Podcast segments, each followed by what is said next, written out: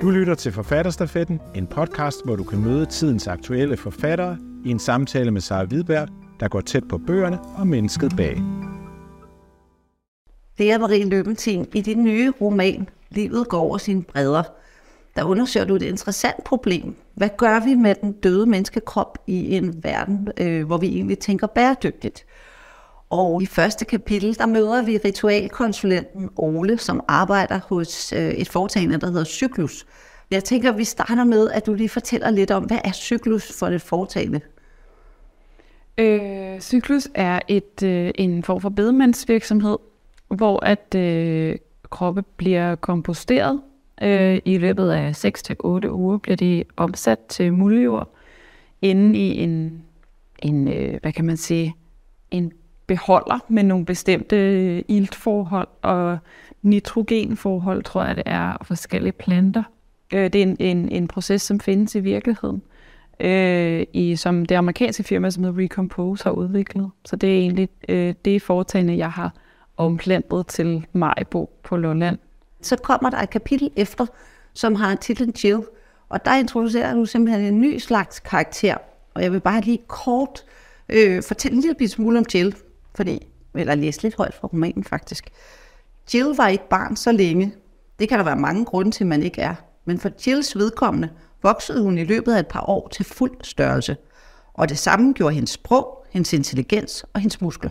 Hendes hud lignede hud, men blev lettere på røs. Når den havde sin rette fugtighedsbalance, kunne man skrive i den med sit negle.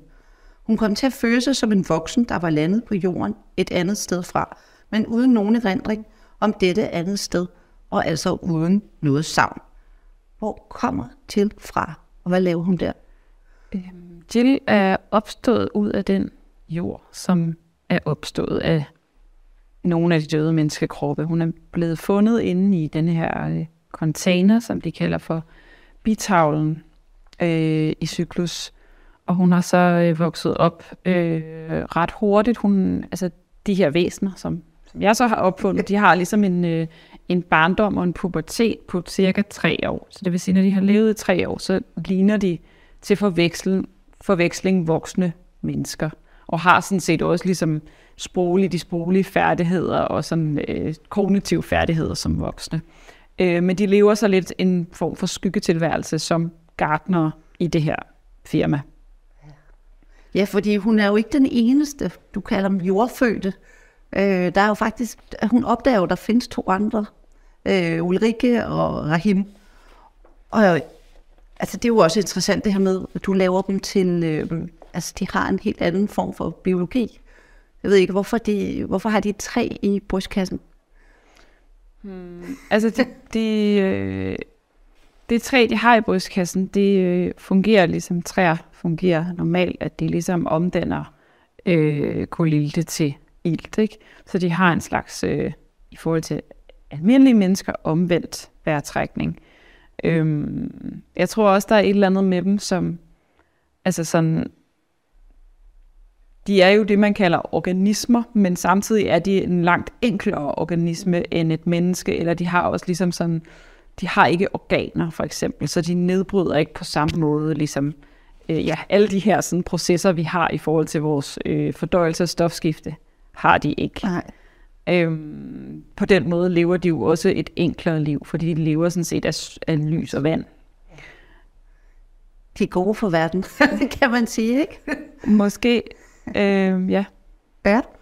Øhm, de bliver jo så, de her jordfødte af, af menneskene, anset som uh, ret praktisk arbejdskraft, billig arbejdskraft. De får kun lommepenge. Øh, du lærer øh, en af karaktererne, Rahim, øh, fortælle øh, på et tidspunkt om det her med, at han har læst om au pairs og sammenligner sig selv med sådan en. Hvorfor, hvorfor tillader menneskene den her udnyttelse af de her menneskelignende personer? Hmm. Jeg tror, at der i min bog er en, en akavethed ved de her jordfødte, som mm. på nogen måder kan minde om den akavethed, som den vestlige verden har ved sin hele sådan den øh, koloniale fortid. Altså det er jo, hvad kan man sige, jeg vil aldrig, jeg vil ikke påstå, at de jordfødte øh, kan sammenlignes med racegjorte for eksempel. De kan ikke sammenlignes med andre øh, etniciteter, fordi alle menneskelige etniciteter er jo meget tættere på hinanden anatomisk, end de her er på ja. mennesker. Ikke?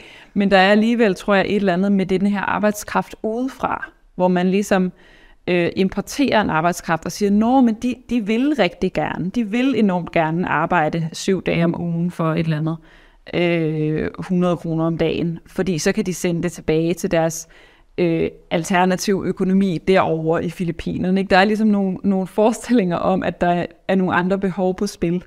Og, og det er der måske rigtig nok med de her jordfødte. Det er jeg mere usikker på, om der er, eller det er der jo ikke i den virkelige verden, men jeg tror bare, at jeg synes, det var interessant, at den, den jordfødte Rahim ligesom opdager de her menneskelige uligheder mellem forskellige mennesker, og ser sig selv som en måde at nærme sig det menneskelige ved at sammenligne sig med nogle andre mennesker. Ja. Ikke? Øhm, så jeg tror, det var, en, det var nogle af de ting, jeg ligesom, ja. der fik øh, mig til at bringe det ind. Senere i romanen, så finder Ulrike, den, den tredje jordfødte, hun finder en fortegnelse i en, øh, en bog, som Karen, hendes chef, har, har noteret ned, hvor man kan se på den her fortegnelse, hvilke kropsdele man kan genanvende eller udnytte af en jordfødt. For eksempel håret eller øjenæblerne. Det er meget grafisk øh, beskrevet. Uh, hvorfor uh, er det en pointe, at hun finder det i en bog om svineavl? Ja, altså hun finder jo bogen om svineavl og tænker først, at den er sådan et kuriosum, som hendes chef og kæreste i øvrigt ja. har, øh, har taget med sig, fordi den på en eller anden måde også er uddateret og hvad hedder det, voldsom i sin, i sin, øh, sit portræt af ligesom det industrialiserede svin. Ikke? Mm. Men, men, hun, men den tegning, hun så finder, Karen har lavet i forhold til de jordfødtes ressourcer, er jo en direkte overførsel af en, en tegning fra af, hvordan man kan genanvende hele svinet, øh, og svinet eller grisens krop.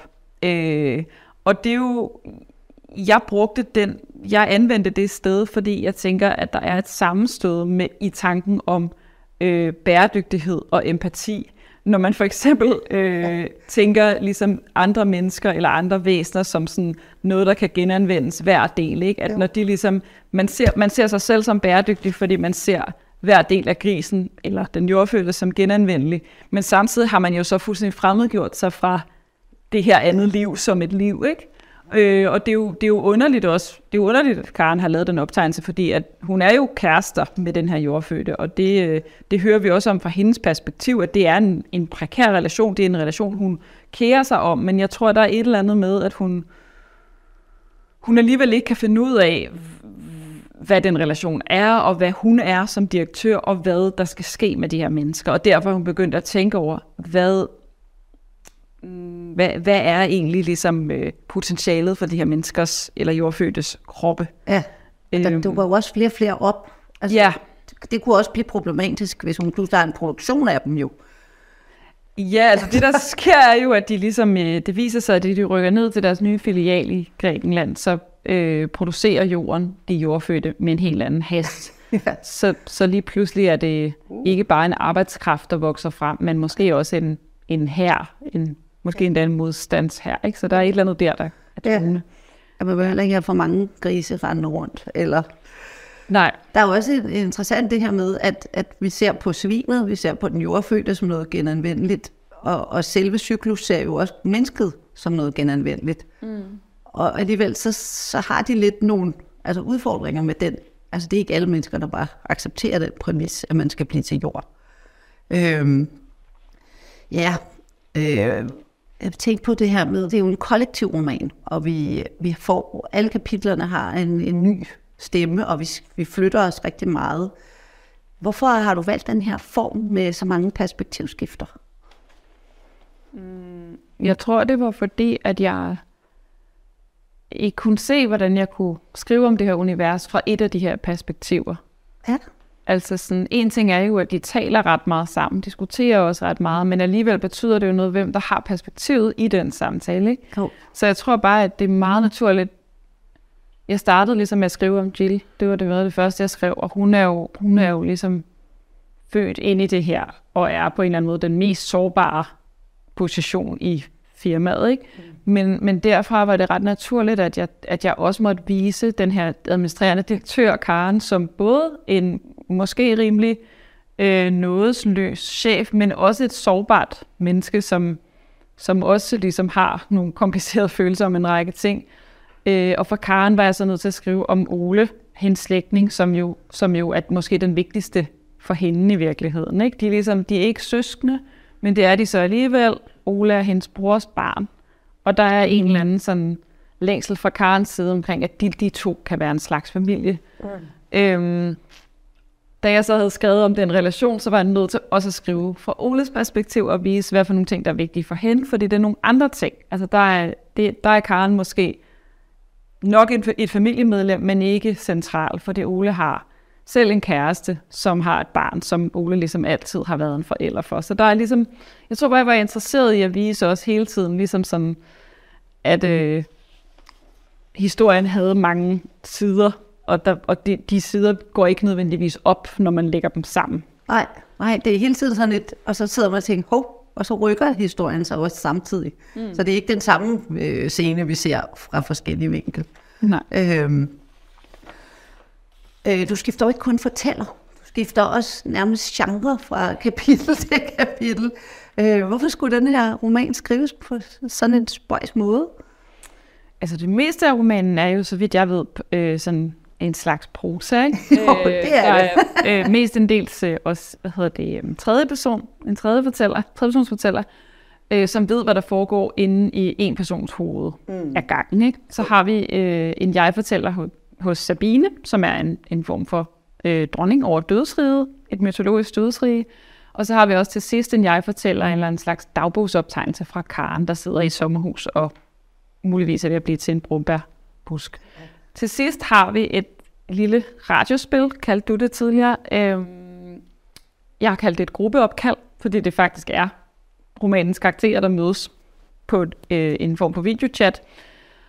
Og jeg tror bare, de, jeg tror, jeg synes, det var et godt sted at slutte romanen, fordi at netop fordi den har den her sådan, øh, flerstemmige karakter, den har de her mange forskellige vinkler, mm. så synes jeg, det var fint, at til sidst så brød ligesom opdelingen mellem de forskellige vinkler sammen, og i stedet for har vi bare de enkeltstående replikker, og vi har heller ikke den, hvad kan man sige, prosa er jo på en måde også en stor regibemærkning, ikke? hvor der ligesom er et eller andet udenom, hvor der bliver sagt, øh, hun rakte ud efter koppen på bordet og sådan noget. Det er også væk til sidst. Vi har kun stemmerne, og ja. på en eller anden måde er vi også ligesom derfor, bliver karaktererne på en måde måske, får de en anden magt til sidst. Eller det var i hvert fald mit håb. Ja, de kommer bare helt renset frem der. Ja, præcis.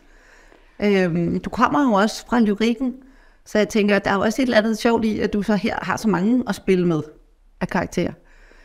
Det må være meget anderledes end at skrive digt. Ja, altså jeg tror på nogen måde, at jeg ser prosaen meget som sådan en slags zoom ud fra lyrikken, ikke? fordi det er jo meget de samme tanker, jeg går rundt med, når jeg skriver. Jeg har altid været meget interesseret i det her med kroppe, og hvad de består af, og hvordan man kan have en krop, der på en gang virker så afgrænset, og samtidig ligesom findes i verden, og er påvirket af verden, og i sidste ende jo også bliver opløst i verden. Ja. Om den så bliver kremeret, eller komposteret, eller hvad den gør. Øh, når jeg så laver øh, prosa, de her prosa karakterer, så har jeg jo i stedet for en, en karakter, jeg ser udefra. Og jeg har på en eller anden måde en anden ro på mig, når jeg skriver om Jill, og hvordan Jill har det. Fordi at jeg kan lade som om i en kort periode, at jeg ikke selv har nogen krop. Fordi jeg sidder bare og fortæller, hvordan hun har det. Mm. Og der er ligesom en eller anden, øh, en på nogen måde meget kunstig afrunding i det. Altså fordi jeg tænker, når man skriver et digt, så er det jo på en eller anden måde også, så har man en bevidsthed om, at man sidder og skriver det. Også ofte, når man sidder og læser et digt, så har man også en idé om, det jeg, der er i teksten, er både det, der skriver, og det, der er, og det, der lever i teksten. Ikke? Og når man så har en tredjepersonsfortæller, så er det jo anderledes. Altså, så er man jo på en eller anden måde sådan trygt tilbagelænet i stolen. Ja. Og det, det tror jeg, jeg synes har været øh, virkelig øh, øjenåbnende at prøve, men, men jeg vil sige, jeg savner også, altså jeg kan også sagtens glæde mig til ligesom at, at vende tilbage til en tekst, som, på en anden måde sådan hele tiden snor rundt om sig selv, fordi den både lever og er og fortæller på samme ja. tid. Ja, og mere nu. Ja. ja. Øh, jeg synes, vi skulle prøve at høre en lille stykke fra et godt stykke inde i romanen. Ja. Øhm, det er en scene fra øh, Eleusis i Grækenland, hvor at øh, vores administrerende direktør Karen er taget hen med nogle af sine jordfødte øh, eller Gilla og Rahima på det tidspunkt stukket af, men hun, Ulrike, er blevet hos Karen, som hendes ansatte, men også hendes kæreste. Og det er så den scene, vi er inde i, som du har bedt mig om at læse. Øhm, som så handler om deres fælles arbejde i cyklus. Længe har de talt om, hvordan de kan omdefinere begreberne død og begravelse. Der er ikke tale om, at noget forsvinder, eller at noget bliver dækket til. Samtidig er det vigtigt alligevel at respektere sorgen ved denne forandring. Sorgen er levende, lyder et slogan. Ingen rejser bort, lyder et andet. Jorden er mit fartøj, lyder et tredje. Livet går over sine bredder, lyder et fjerde. Det er svært at se film sammen, synes Ulrikke, fordi døden så ofte bliver omtalt på gammeldags måder, som noget evigt og størknet. Døden bliver brugt som alvorsindsprøjtning, konstaterede Karen tørt, imens hun spiste smørstegte popcorn. Men da Ulrikke ville slukke, ville Karen alligevel se videre på grund af den historiske interesse. Godt at have styr på kulturens vildfarelser. Hvad er det for en opfattelse af døden, som den her, de her slogans henviser til? Det er en opfattelse, hvor man prøver at tale om døden som et kontinuum i stedet for et brud. Ikke? Og det er jo et paradoks, for, paradoks, fordi det er klart, at når man mister nogen, man har været tæt på, fordi de dør, så har man jo mistet dem. Altså sådan, uanset hvad man vælger at stille op med deres liv, yeah. så kan man jo ikke tale med dem mere, og de kan ikke fortsætte med at agere i verden.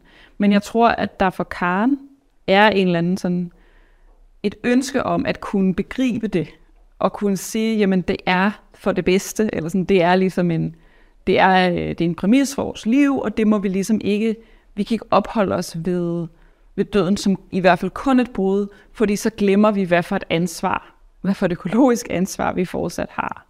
Og der tror jeg, at så for Ulrikke, som jo er født ud af hele den her proces, og måske ikke har prøvet at miste nogen, altså, og heller ikke, ligesom, ikke har nogen rigtig, et, ikke har det samme begreb om døden. Hun prøver så bare at sige, okay, så lad os lade være med at forholde os til hele den her øh, verden af, I don't know, Schindlers liste, eller hvad det nu er, de har siddet og set, en hvilken som helst øh, Hollywood-film, øh, vil der jo ofte være en, en død, som ligesom betyder noget mm. som død, ikke? og som, af, som, som brud så er der for Karen, så siger hun, okay, så lad os glemme det. Men for Karen, som jo er et menneske i verden, som har levet nogle 40 år, hun bliver nødt til så alligevel at dvæle ved, nej, nej, nej, det her er over det hele, så vi bliver nødt til at forstå, hvad det er, der gør, at det er sådan. Ja. Øhm, og det er jo, jeg kan godt se begge perspektiver i det, altså sådan at måske, jeg har personligt ikke noget ønske om at holde op med at se døden som et brud, fordi selvfølgelig er den det, men måske andre typer vildfarelser, man kunne have, eller øh, hvad kan man sige, overbevisninger, som ændrer sig. Der tænker jeg, der kan jeg være splittet måske i forhold til, hvor, hvor vigtigt er det så at opholde sig ved gamle kulturprodukter, der behandler ting på en anden måde. Ikke? Altså sådan, det, det kan jeg være meget splittet omkring, tror jeg. Ja, fordi de er jo nødt til stadigvæk, at der ligger lidt, jeg ved ikke, om det er det, der sker, men at Karen måske ender som en brugbargren. Det kan være, man kan ende som en brugbargren, man kan ende som et træ. Øh, men man har stadig brug for ritualet på en eller anden måde. De, de finder ud af ret tidligt i cyklus, at det ikke er godt nok bare at proppe folk i bitavlen og gå mm. ind, vel? Mm. Øh, hvorfor er det det der ritual? Er det bare, at hænger det bare ved som gammel kultur, og vil det forsvinde måned, eller? Men det tror jeg, de er helt enige om, de to karakterer, at det er vigtigt. Ja. Fordi at et ritual jo på en eller anden måde handler om at forstå, at det, der sker for en, er sket så mange gange før, og kommer til at ske igen det er ligesom bare en måde, hvor man kan holde ud, at tiden findes, ikke? Og, og man kan sådan ligesom give tiden en mening, selvom at der er så meget af den, og selvom at man ikke kan kontrollere, hvad der sker i den. Ja. Altså sådan, så jeg tror, at sådan, det, det tror jeg, altså jeg tænker, at vi har sådan en ekstremt ritualiseret kultur, selvom at vi har en, en sekulær kultur, så er der jo så mange konventioner for, hvordan man siger goddag til hinanden, hvordan man ligesom, hvad man tager med til et middagsselskab, hvordan, øh, hvad, hvornår drikker man en kop kaffe. Øh, alle sådan nogle ting er sådan, øh, du ved, hvad har man på for noget tøj i hvad for nogle sammenhæng. Det har alle mulige konventioner, som ikke er praktiske, men er, som er rituelle. Ikke? Ja. Så det tror jeg, det tror jeg 100% er kommet for at blive. Ja, romanen går jo faktisk også over sine bredder. Det gør den. Øhm, det har været en del af receptionen i bogen i hvert fald, at, at lidt lettere forvirret eller frustreret anmelder har sagt, måske er grunden til vores forvirring, min forvirring, at den mimer, hvad kan man sige, livets måde at opføre sig på, eller den her generelle naturens grænseoverskridelse. det ved jeg ikke, om er nogen undskyldning for, at bogen er forvirrende, for det, det er jo dog mig, der har lavet den. og det, der er jo masser af, masser af romaner, der er ensartede, og masser af, af floder, der står stille i lang tid ad gangen, forestiller mig, eller i hvert fald øh, er regelmæssige. Så det, på nogle måder øh, hænger det sammen, på nogle måder at, tror jeg også bare, at, øh,